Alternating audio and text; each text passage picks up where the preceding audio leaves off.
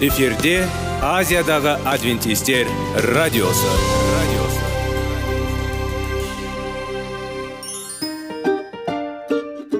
сәлем достар. Денсаулық өмір бұлағы және біздің бірінші байлығымыз демекші денсаулық сағаты рубрикасына қош келдіңіздер. Бір кісінің ауырғанын айтқысы келмесе де ол онсыз да көрініп түсінікті болады. Өйткені ауырғанда жанымыз қиналғаны кейде соншалық сол үшін дәрі алуға қарағанда мұның бәрін алдын ала алу жақсы емес пе? Біздің рубрикада біз әртүрлі факторларменен мәліметтерменен кеңестерменен бөлісіп шын жүректен сіздердің дендеріңіз сау болғанын қалаймыз. Сол үшін біздің рубрикаға қош келдіңіздер. Дайындалып тұрыңыздар. Өйткені келесі минуттарда қызықты фактілерге ие боласыздар. Енді достар ең бірінші байлығымызды қолымызға алып алға кеттік. Бізбенен болыңыздар.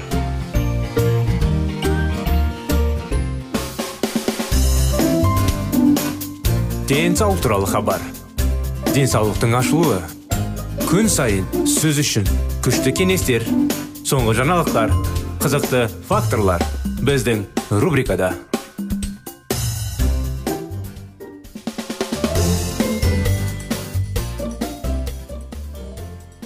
Сәлем достар. Құрметті біздің тыңдаушыларымыз мінекей біздің денсаулық сағат бағдарламасына сіздерді көргенімізге қуаныштымыз.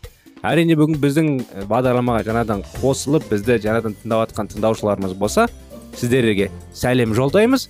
Әрине біздің денсаулық сағат бағдарламасында әрдайым денсаулыққа пайдалы кеңестер факторлер талдап кеңестер аламыз. Сондықтан мінекей біздің бағдарламаны жалғастыра біз пайдалы әдеттер жайлы тақырыптарды өтіп жатырмыз сондықтан бүгінгі сізге ұсынып отырған тақырыбымыз мақсаткерлік болу әдеті. Мінекей википедияда іс әрекеттің белгілі бір нәтижесіне адамның белесінді және саналы бағытты ретінде мақсаткерлік анықтайды. Мұндай адам нені қалайтынын қайта баратынын және не үшін күресетінін біледі. Сізге мұндай ә, сипат қажет пе? Түсінейік. Не мақсатты болуымыз керек. Неге мақсатты болуымыз керек? Мақсаттылық бізде жеткілікті дәрежеде айқын емес. Қабілеттердің орнын толтыра алады. Ол өмірде үлкен жетістіктерге жетуге мүмкіндік береді. Адамға табысты болуға және күн сайын өмір сүретіндерге бай болуға көмектеседі. Мақсаткерлік біздің өмірімізді әдемі және қызықты етеді. Мақсаттың болуы өмірдің ұсақ сүйгеніне дейін терең мағынаға толы. Адам қалаған адамды алу фактісін өзі ғана емес сонымен қатар үдерісте үлкен рахат сезінеді. Сондықтан ол өз жұмысына және жеңістерге қарай жылуына жалжуына бақытты. Алға қойылған мақсаттарға қол жеткізуге тырысқандарымызға не болады? Алға қойылған мақсатқа қол жеткізе отырып қалағандарға қол жеткізе отырып біз өз жеткіліктерімізді қанағаттандырып қана қоймай өздігімізді сүйетінімізде де бар.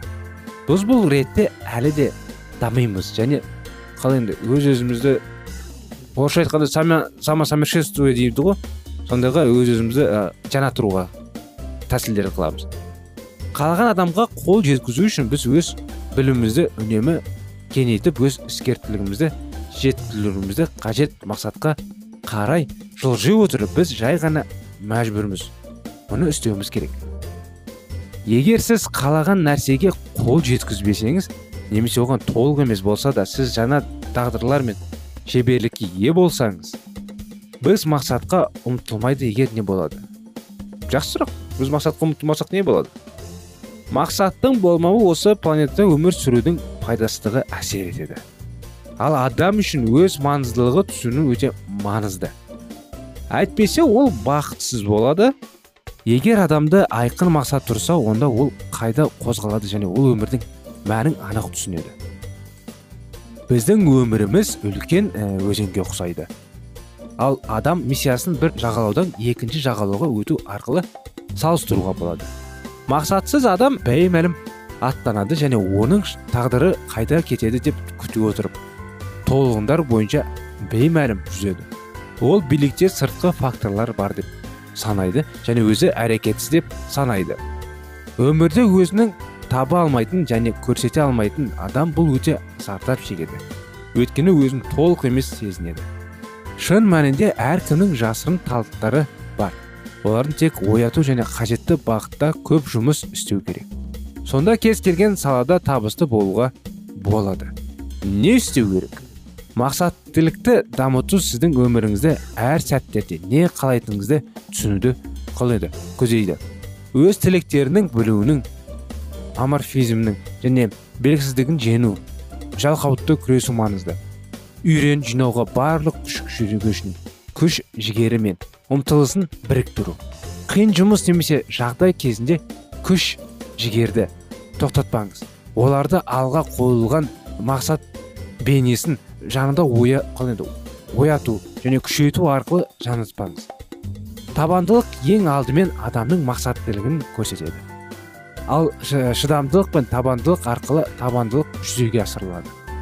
Ер күшін жаттықтырыңыз таңертең жүгіріңіз. Өзіңіз жағымсыз бірақ қажетті нәрселерді жасаңыз. Әрбір жағдайда әдеттегі күш жұмсауға тырысыңыз. Өз ұранын әдетін рахатын жүлдеру үшін өзіңіздің күшінен жоғары қайдысы жасаңыз. Әрдайым өзіңізді қолыңызға алып әрдайым мақсаттарды қойыңыз жазыңыз ойластырыңыз. Енді қалай енді? Ұмтылыңыз ниеттеріңізді ашыңыз. Әр адам негізі өзінің алдына мақсат қою керек қой. Мақсат қоймасаңыз енді әрине босқа босқа нәрсе тірліктер істеп бос жүресіздер. Бала жоқ болса балалы болуға. Үйленбесеңіз үйленуге. Үй жоқ болса үй табуға жұмыс жоқ болса жұмыс табуға әрине мақсаттар көп енді әр адамның өз мақсаты бар оны әр мақсатты ретіне келтіріп ә, ретіне келтіріп енді қалай мақсатты болуға әрине өзіңіздің тырысуыңыз керек өзіңіз тырыспасаңыз сіз үшін ешкім тырыспайды сізге біреу кеңес бере алады рас біреу жас болса да кіші болса да үлкен болса да уақыт мақсат уақытқа қарамайды рас біреу бір кішкентай балдарда мысалы мақсаттары копилка әзірлеп ата анасы копилка беріп ол копилкаға тиын жинап оның мақсаты оны толтырып ертеңгісін мысалы бір сумке алып қыз болса қуыршақ алып дегендей мақсат қояды сол сияқты әр адамның өзіне қоятын мақсаты болу керек. Сондықтан мақсатты қойыңыз достар. Өзіңізді анық қоюға және міндетті түрде мақсатқа жету үшін үйреніңіз. Кішкентайлардан үлкенге дейін. Бұл жағдайда сіз бірінші өнімді боласыз. Дәл осы біз сіздерге шын жүректен тілейміз. Әрдайым достар біздің бағдарламада осындай керемет факторлар мен кеңестер алып тұрайық. Келесі бағдарламада сізді қуана күтеміз. Сау болыңыз дейміз. Рахмет сіздерге.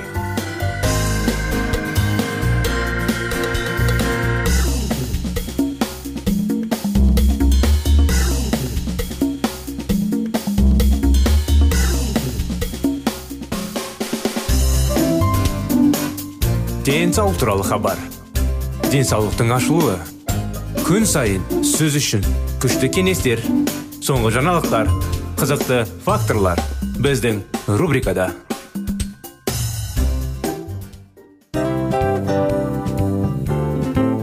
Әуелі байлық денсаулық екінші байлық он саулық үшінші байлық ақ жаулық. Ал енді осындай радио парақшадан кейін не дейміз? Барлықтарыңызға денсаулықтарыңыз зор болсын деп тілейміз. Денсаулықтың өзгеруі кішкентай нәрселерден басталады. Осымен біз берген кеңестер мен мәліметтер шын жүректен сіздер үшін қандай да бір болсын жәрдем берді деп үміттенеміз. Тыңдаушыларымызбен келесі радио парақшасына дейін қоштассамыз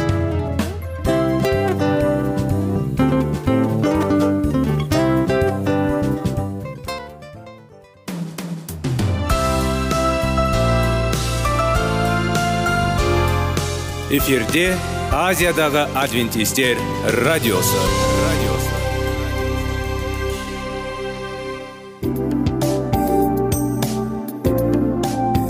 Сәлем достар. Барлықтарыңызға біздің сүйікті шын жүректен сөйлесейік рубрикасына қош келдіңіздер деп айтпақшымыз. Негізі шын жүректен сөйлесейік рубрикамызда не жөнінде айтамыз? Шын жүректен сөйлесейік бағдарламасы әртүрлі қызықты тақырыптарға арналған. Махаббат деген биік тас оған ешкім жете алмас жетеді оған екі жас дегендей. Шындығында шын жүректен сөйлесейік деген сөздің мағынасы екі достың екі адамның екі жастың арасындағы шын жүрекпен сөйлесуі бір біріне сенуі ашықтық пен шындықты білдіреді. Сол үшін біздің бағдарламаларды үзбей бізбен бірге болып тұрыңыздар. Әртүрлі қызықты тақырыптарды сіздер үшін арнап дайындағанбыз. Дайындалыңыз жаңа қызықты мәліметтерге ие болуға. Ондай болса кеттік.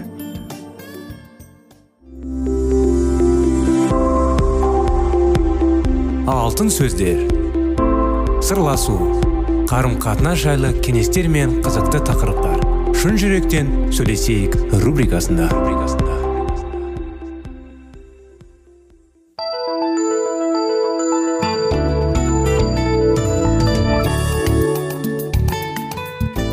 Сәлеметсіздер ме құрметті біздің тыңдаушыларымыз? Құрметті біздің достарымыз мінекей шын жүректен сөйлесейік бағдарламасына қош келдіңіздер. Біздің шын жүректен сөйлесейік бағдарламасында қазір шектеулер жайлы тақырыпта әңгімелесіп өтудеміз ары қарай жалғаса кетсек былай. Қалаулар. Біздің қалауларымыз шекараларымыздың ешмерінде жатыр. Біздің әрқайсымыздың өз қалауларымыз бен арамыздарымыз мақсаттарымыз бен жоспарларымыз бар. Біздің бәрімізге бір нәрсе жетіспейді. Бәріміз нәрсені аңсаймыз. Бәріміз өзіміздің мінезімізді қанағаттануымызды қалаймыз. Бірақ айналанымызда өз міндеттеріне риза адамдардың саны неге аз? Мұны аздаған себебі біздің тұлғамыздың шеңберіндегі құрылымдық шектеулердің жеткіліксіздігі болып табылады. Біз өз мінезіміздің шын мәнінде кім екенін және оның нені қалайтынын анықтай алмаймыз. Көптеген шынайы емес қалауларымызды шынайы нәрселер ретінде қабылдамаймыз. Қабылдаймыз да. Ал шын мәнінде бұл біздің шынайы қалауларымыздың қожайыны болудың бас тартуымыздың салдарының болатын күйкі түріміз мысалы жеңіл жүрсекке құмар адамдар жаңа жыныстық байланыстарды іздеумен болады. Ал шын мәнінде олар сүйіспеншілік пен жылықтылықты қалайды. Жақып та осы мәселеге назар аударды. Ол дәл осы өз қалауларымызды қожайыны болуымыз керектігін жанайда айтады. Біз өзіміздің шын мәнінде нені қалайтынымызды білуге және сол қалауларымызға адал жолмен қол жеткізуге ұмтылуға тиіспіз. Сендер бір нәрсені аңсап иемдене алмайсыңдар. Сонда кісі өлтіргендей жек көріп қызғансаңдар алайда аңсаған нәрселеріне қол жеткізе алмайсыңдар. Жандалдасып төбелессеңдер бәрібір иемденбейсіңдер. Өйткені оны құдайдан сұрамайсыңдар. Сұрасаңдар да ие бола алмайсыңдар. Себебі ізгі ниетпен емес арам құмарлықтардан қанағаттандыру үшін сұрайсыңдар. Көбіне біз құдайдың оның қалауларымызды қанағаттандыруға көмектесуге сұраймыз. Және көп жағдайда біздің қалауларымыз шын мәнінде қажетті жоқ нәрселермен араласып кетеді. Құдайды біздің қалауларымыз шынында көз қызықтырады. Төмендегі үнсілерге мұқият назар аударыңыз. Оған жүрегінің қалауын сыйлауын сұраған тілектерісіне бас тартпады.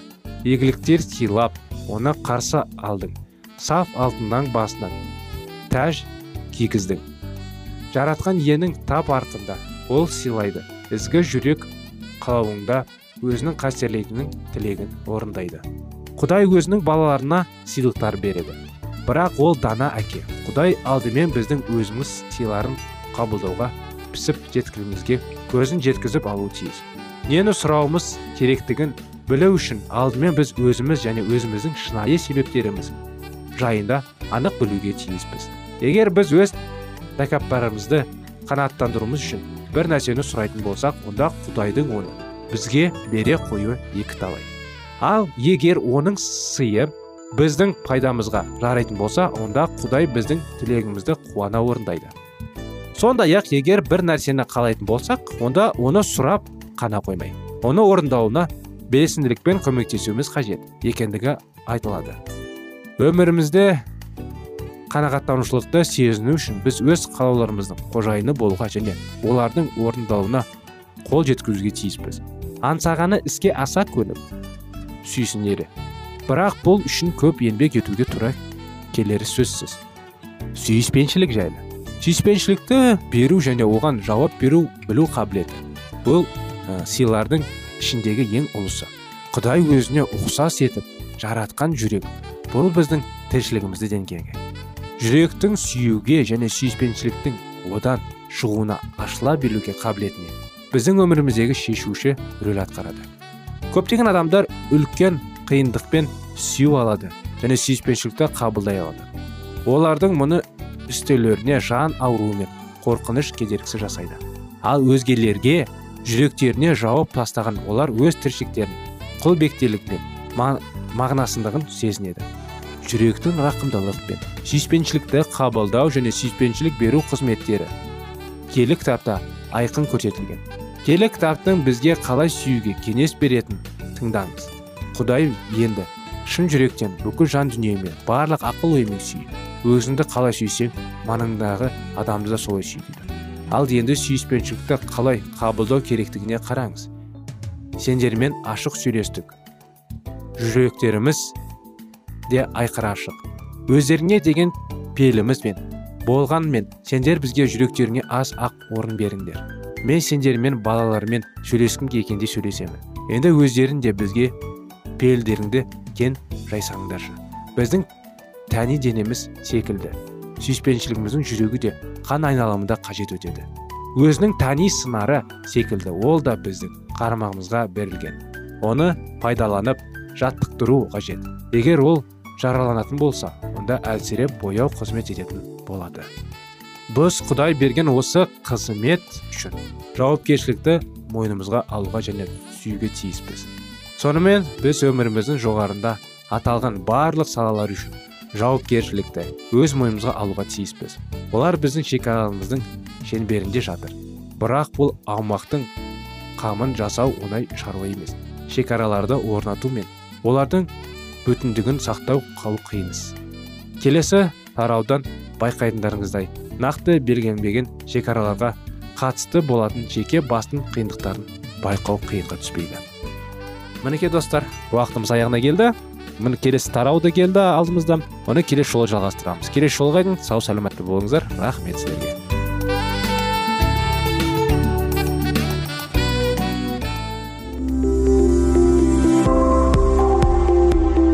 Алтын сөздер. Сырласу қарым қатынас жайлы кеңестер мен қызықты тақырыптар. Шын жүректен сөйлесейік рубрикасында.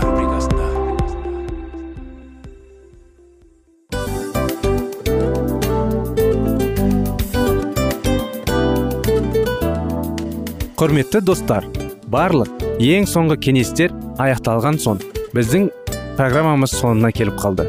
Осы біздің мәліметтер осы рубрикада айтылған әрбір сөздер сіздерге өзінің қандай да бір пайдасын алып келді деп шын жүректен сенеміз. Және бұдан да көптеген рубрикаларымыз бар. Басқа рубрикаларымызда біздің зерттеулерімізде сіздер үшін тағы да қызықты мәліметтер дайын.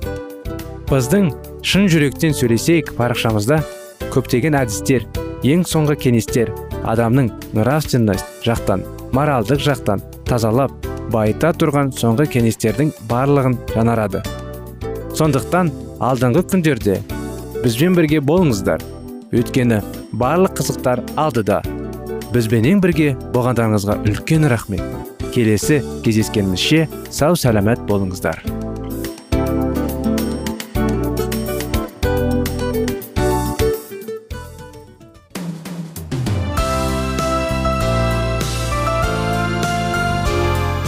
Эфирде азиядағы адвентистер радиосы. Радиосы жан дүниеңді байытқан жүрегіңді жаңғыртқан өмірдің мағынасын ойландырған рухани жаңғыру. Рубрикасы.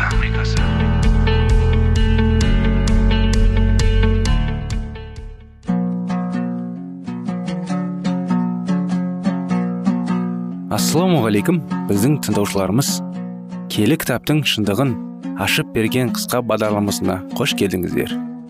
Барлығынан жоғары жаратушы біздің қарыңғылықта жалғыз қалдырып қойған емес. Өйткені ол келешекте не болу керек екенін киелі кітаптың парақтарында ашып береді. Немесе келіңіздер бізге қосылыңыздар. Жаратушы бізге нен ашып бергенін зерттейміз. Сәлеметсіздер ме? Ассалаумағалейкум біздің құрметті радио тыңдаушыларымыз. Біздің ә, рухани жаңғыру бағдарламамызға қош келдіңіздер. Әрине біздің үміт аян тақырыптарын жалғастырамыз. Аянның басқа тақырыптар біз көптеген тақырыптар әңгімелейміз ғой. Кей кезде кітаптар оқимыз ә, мысалы алдында кей кезде рухани күрес жайлы ұлы күрес дегендей кітаптар бар. Рухани жаңғыратындай қандай не дұрыс не бұрыс дегендей. Өмірлік шайқас жайлы шайтанның жайлы. Сондай деген нәрселерді әңгімелеп зерттейміз диалогтар жүргіземіз. Неліктен өйткені құдай бар құдай бізге көмектесуге тырысады. Соның бәрін түсініп ұғуға ә, әрине біз құдайды сүйсек жақындарымызды сүйген боламыз. Оның бәрін әрине бағдарламамызда өтіп әңгімелейміз. Ал қарай жалғастырайық. Ә, бүгінгі кездесу тақырыбымыз кітаптың тағдырлы қозғалыс аян дейді. Олар не іздейді? Миллиондаған адамдар бар. Оларға тыныштық пен үміт береді. Көптеген адамдар әлемді ұсына алатын нәрсенің барлығын тырысты. Байлық даңқ билік рахат және ойын суық. Бірақ олардың жүрегі әлі де бос және олардың өмір қиындықтары толы. Келік кітапта біздің күндеріміз күшін. Үшін құдайдың ақиқатының ашылуы туралы не айтады? Келік кітапта негізделген жердегі құдайдың шіркеуі бүгін бар ма? Әрине мыңдаған адамдардың жүрегінде шынайы масқышылықтың шөлі бар. Олар бір нәрсеге қарағанда көбірек ниет бар. Бұл шіркеуде ғана емес бұл кітапқа құлшылық ететін адамдар үшін шөлдеу. Бұл түрі мәсіхтің және оның шындығының шөлі. Құдай сөзінде өз өмірін негіздейтін адамдар шөлдеуі. Бұл адамдар осы кездесулердің басты ұранын берілген. Еске түсіре кетейік әрине. Егер бұл киелі кітапта болса мен оған сенемін. Егер ол киелі кітаппен сәйкес келмесе бұл мен үшін емес. Материализм қанағаттандырмайды. Нәрселер ешқашан жанның ниеттің қанағаттандыра алмайды. Ләззат қанағаттандыра алмайды. Ойын сауық ешқашан көңіл күйді қанағаттандыра алмайды. Технологиялар қанағаттандырмайды. Жаңа гаджеттер де біздің жанымызды қанағаттандыра алмайды. Терең ішінде құдайдың тануға ниеті бар. Құдайдың сөзі бар келі ақиқаттың шөлі бар. Құдай бүгін жердегі қандай да бір адамдарды өз шіркеуі деп атай ма? Мәсіхшілер шіркеуінің тарихында құдай әрдайым өзінің замандастары үшін оның ақиқатын жаралайтын адамдар болды. Нұх күндері құдай барлық адамзат үшін ерекше хабар болды. Нұх ерлер мен әйелдерді құтқару шөмішке күшерге шақырды ең құдайдың үндеуінің қабылдамды бірақ құдайға тағы бірнеше сенімді адамдар болды көпшіліктен бөлініп шығуға шақыру айтылды жалпы таптан бөлуге шақыру айтылды ол сенім қадамын жасауға үндеді соғылды шығару кіру қайықты кемеді десе де болады бүгін құдайға бағыну және құтқару құдайға кіру туралы шақыру естілді оны шіркеуі. Ескі өсиетте құдай халық көпшілігінің ыбырайымның ыбырайымды шақырады. Жаратылыстың басталында жиырма алтының екісінде емі соған келді және былай дейді мысырға бармаңыз мен саған айтатын жерде өмір сүріңдер дейді. Құдай тыным танымал мәдениеттен ыбырайымды оның соңынан еру үшін шақырады. Қой адамдарды ерекшеліктеріне назар аударыңыз. Жаратылыстың басталында ыбырайым менің даусымды тыңдап мен өсиетті сақтағыш үшін менің бұйрығымды менің жарларым және менің заңдарым. Құдай өз халқын мысырдан шығару оған адал болу және оның өсиеттеріне сақтау үшін мұсаны сыйлайды. Ежелгі израиль заманында құдай оған адал мойынсұнғыш адамдарды шақырды. Иеміз құдайдың сүйіп оларға не істеу керектігін сақта оның қаулалары мен заңдарын және оның өсиеттерін барлық күндері. Нұх күндері құдайды жақсы көретін адамдар оның өсиеттерін сақтанды және кемеге кірді. Ыбырайым күндері құдайды жақсы көретін адамдар көпшіліктен бөлініп оның өсиеттерін сақтады. Ежелгі израиль кезінде құдайды жақсы көретін адамдар оның өсиеттерін сақтады. Құдай оларды таңдаған оны ерекше халық деп атады. Жаңа өсиет кезінде петр ұлы күшпен уағыздады. Үш мың елуші күн күні су рәсімі болды. Олар шомылғанда олар бөлініп оның өсиеттерін сақтау үшін ерекше құдайдың халқына айналды. Петр бірінші петрде былай жазылған. Бірақ сіз таңдаған тауыңыз патшалық дін киелі халық. Нұх күндері құдай ерекше адамдарды болды ма? Әрине иә. Ал ыбырайым күндері?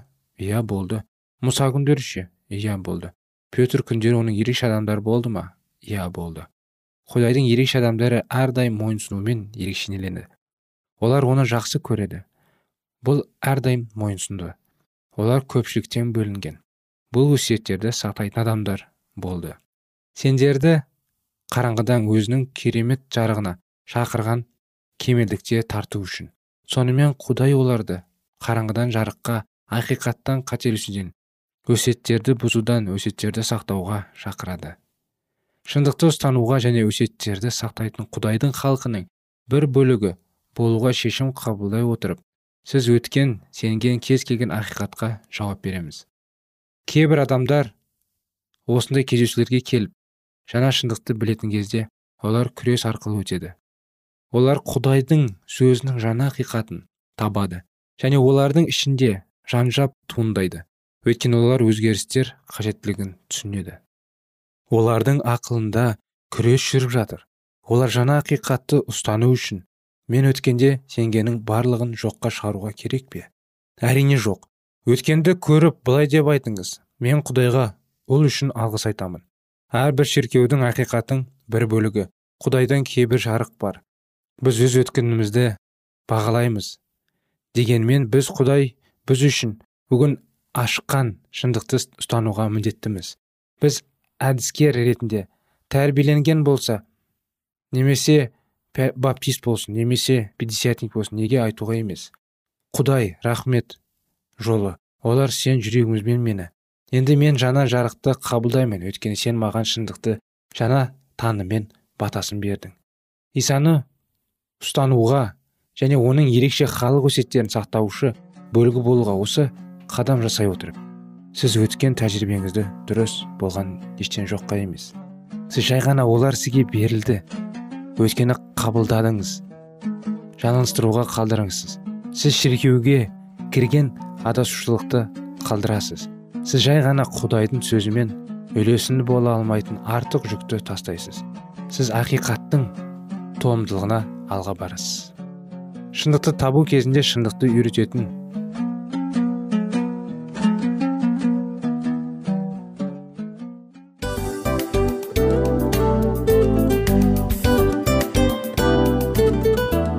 достар біздің радио парақшамыз өзінің соңына келіп те қалды.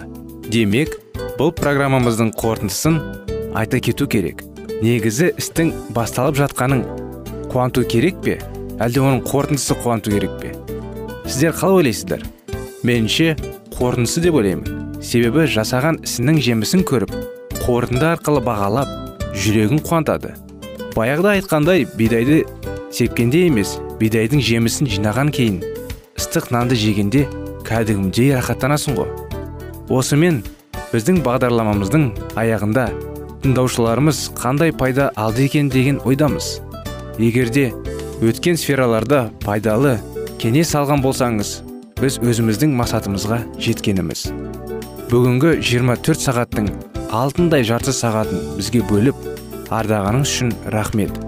Келесі кездескенімізше қош сау болыңыздар.